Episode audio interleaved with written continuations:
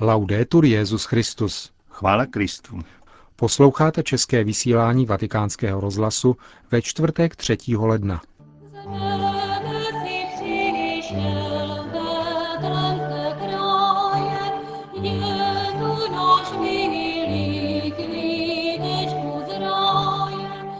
Charitní dům pro bezdomovce ve Vatikánu se připravuje na zítřejší návštěvu svatého otce. Zájem o knihu Benedikta XVI.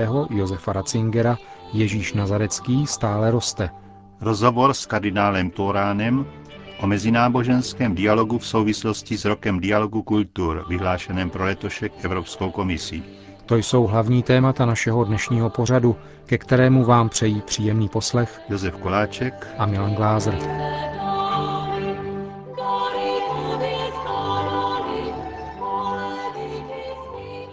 Zprávy vatikánského rozhlasu. Vatikán. V pátek dopoledne se Benedikt XVI. vydá navštívit charitní dům pro bezdomovce, který provozují misionářky lásky přímo ve Vatikánu. Dům, který nese jméno Marín Dar, vznikl před 20 lety z iniciativy blahoslavené matky Terezy a Jana Pavla II. Dům se nachází na území Vatikánu, těsně vedle paláce bývalé římské inkvizice, nynější kongregace pro nauku víry, a jeho vchod nestřeží švýcarská garda. Je přístupný rovnou z ulice. Pracuje v něm osm sester a poskytuje přístřeší ženám, které nemají kde bydlet. Kapacita domu je 74 osob a v současné chvíli využívá této možnosti 50 žen. Dům funguje také jako jídelna, kde se každý den podává večeře, která je určena bez rozdílu mužům i ženám. Sestry také vycházejí každý den ven do města, kde hledají osamocené osoby potřebující pomoc. V charitním domě Marín Dar pomáhají sloužit také dobrovolníci z Asociace svatých Petra a Pavla. Jeden z nich, Angelo Vignola, vatikánskému rozhlasu o svých zdejších zkušenostech řekl. Já jsem po nejvíce na recepci, kde přijímáme každého, kdo přichází, ale děláme tak trochu všechno. Rozdáváme také oblečení, jídlo a tak dále. Na noc k nám přicházejí ženy, které se ocitly v těžkostech. Přicházejí ze všech zemí, nejvíce ale z Rumunska a Albánie. Přicházejí do Říma, aby zde našli práci a hledají oporu v domě Marijin Dar. Zůstanou 15 až 20 dní, než si najdou nějaké místo a pak odcházejí. Každý večer před jídlem se spolu s našimi hosty modlíme. Je čteno a vykládáno evangelium buď některým z dobrovolníků nebo knězem, který je momentálně v domě přítomen. Benedikt XVI. se vydá do tohoto domu jednak u příležitosti 20. výročí jeho založení, ale také v rámci stálého důrazu svého pontifikátu na činnost církve v oblasti charity, kterému dal výraz svou první encyklikou Deus Caritas Est. Loni, taktéž ve vánočním období, navštívil Petrův nástupce charitní jídelnu římské diecéze. Mezinárodní úspěch knihy Kristova náměstka Josefa Ratzingera Ježíš z Nazareta neustále sílí. Od jejího vydání před osmi měsíci překonala celkový náklad 2 miliony výtisků a v průběhu tohoto roku bude dostupná ve více než 50 zemích. Česky vyšla kniha pod názvem Ježíš Nazarecký před Vánocemi. Touha seznámit se s Ježíšem roste. Ježíš evangelií, jak jej představuje papež ve své knize, je totožný s Ježíšem reálným, historickým ve vlastním smyslu slova.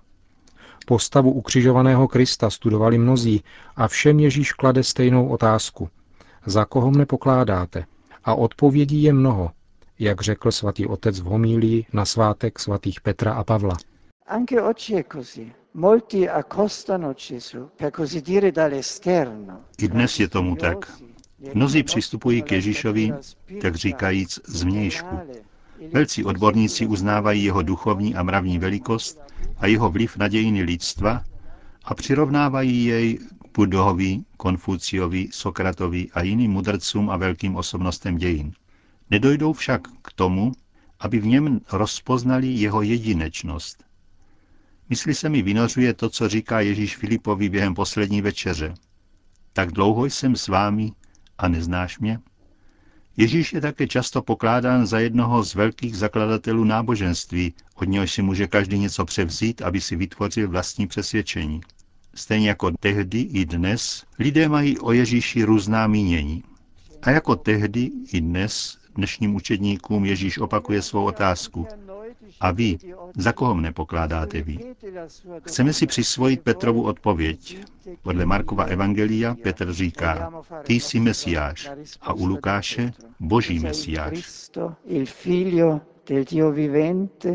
Papež ve své knize tvrdí, že Ježíš rozbil všechny kategorie interpretací a že Ježíšovu postavu je možné opravdu pochopit jedině vycházeje z tajemství Krista, pravého Boha a pravého člověka.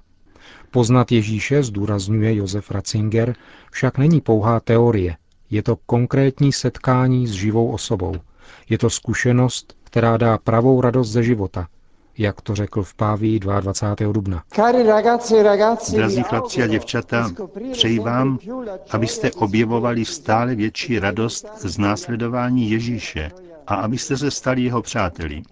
Je to radost Petra a ostatních apoštolů, svědců a světíc všech dob. Tato radost mě také podnítila k napsání knihy Ježíš Nazarecký, která právě vyšla.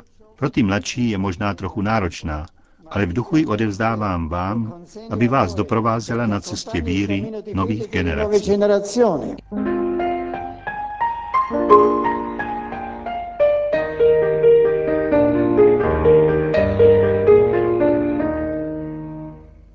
Čína. V Hongkongu požádali účastníci Vánoční mše svaté prostřednictvím petice místního biskupa kardinála Zenze Kyuna o obnovení beatifikačního procesu italského misionáře františkána Gabriela Allegro, který jako první přeložil Bibli do čínského jazyka. Kardinál Zen řekl, že doufá v obnovení procesu, který byl z politických ohledů dočasně zastaven a přitom prosil o modlitby za ty bratry ve víře, kteří jsou z důvodu jejího vyznávání v různých částech Číny vězněni anebo jim věznění hrozí.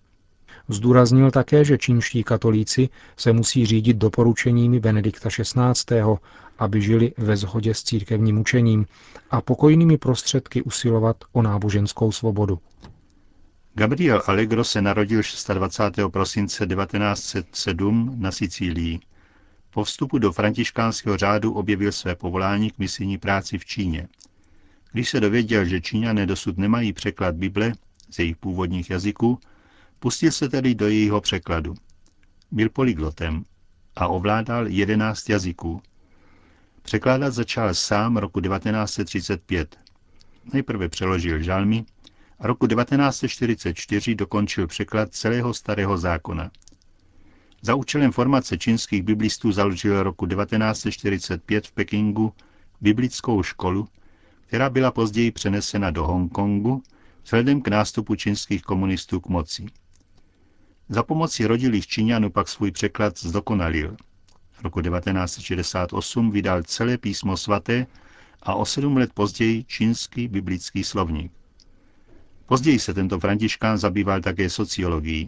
Zemřel v pověstí svatosti 26. ledna 1971 v Hongkongu. Po osmi letech pak byl zahájen jeho diecezní beatifikační proces. Roku 2002 Jan Pavel II. schválil dekret o zázraku, který se stal na jeho přímluvu. Otec Allegro je velmi vážený také mezi čínskými protestanty.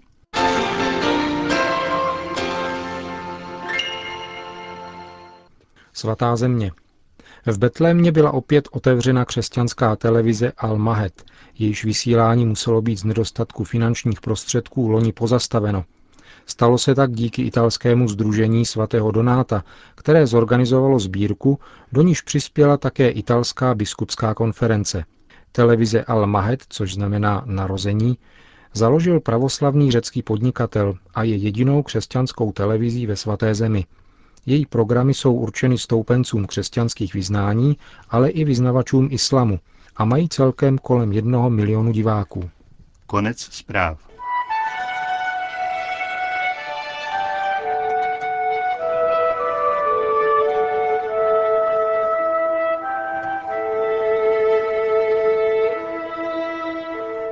Evropská komise vyhlásila letošní rok Evropským rokem mezikulturního dialogu ve znamení mota Společně v různosti. Iniciativa má upozornit na potřebu harmonického soužití Evropanů prostřednictvím chápání rozmanitého kulturního bohatství. Kardinál Jean-Louis Torán, předseda Papežské rady pro mezináboženský dialog, v této souvislosti zdůrazňuje, že není kultury bez náboženství a náboženství neexistuje bez kultury. A vysvětluje v rozhovoru pro vatikánský rozhlas, kam se v dialogu kultur řadí dialog mezináboženský. Le dialogue interreligieux, évidemment, se situe au niveau de la relation de l'homme avec Dieu, de l'homme qui Mezináboženský dialog je veden samozřejmě na rovině vztahu mezi člověkem a Bohem, tedy člověka, který si klade otázky o smyslu života, o smyslu smrti, o smyslu zla. Na této rovině spočívá mezináboženský dialog. Víra kromě toho hovoří o velikosti člověka, hovoří o humanismu, který neníčí kulturu, nýbrž ji obohacuje. V mezináboženském dialogu je určitá pedagogie, která pomáhá uvědomovat si jednotu lidského rodu, důstojnost osoby a nutně ústí do požadavku odpuštění a vzájemného poznávání. Magisterium papeže Benedikta XVI. o dialogu mezi vírou a rozumem nachází svůj vlastní rozměr v oblasti dialogu kultur a náboženství. Jak se to projevuje?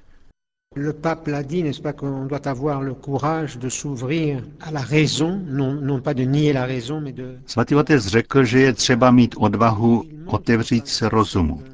Nepopírat rozum, ale otevřít se mu. Ve své řezenské přednášce nám připomněl, že nejednat podle rozumu, nejednat podle logosu, protiřečí přirozenosti Boha.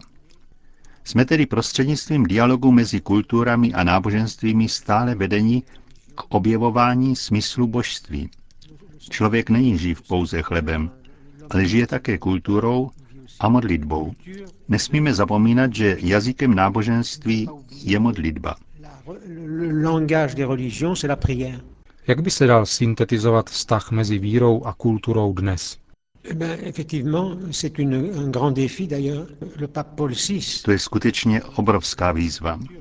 Papež Pavel VI., který byl mužem velké kultury, řekl bych humanista v klasickém smyslu slova, považoval separování kultury od evangelia za největší drama naší doby. Myslím, že v tomto ohledu byl prorokem. Jsme povoláni směřovat kulturu a víru a dávat našim současníkům objevovat, že potřebujeme víru, abychom žili dobře. Člověk, který se nemodlí, je ve svém lidství znetvořen.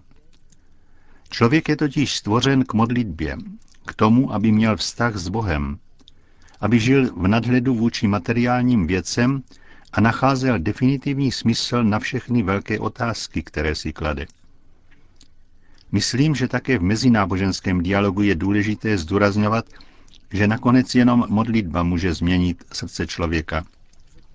Jsme nakloněni zapomínat na to, že když se člověk modlí, když pokleká, ocitá se na své maximální úrovni.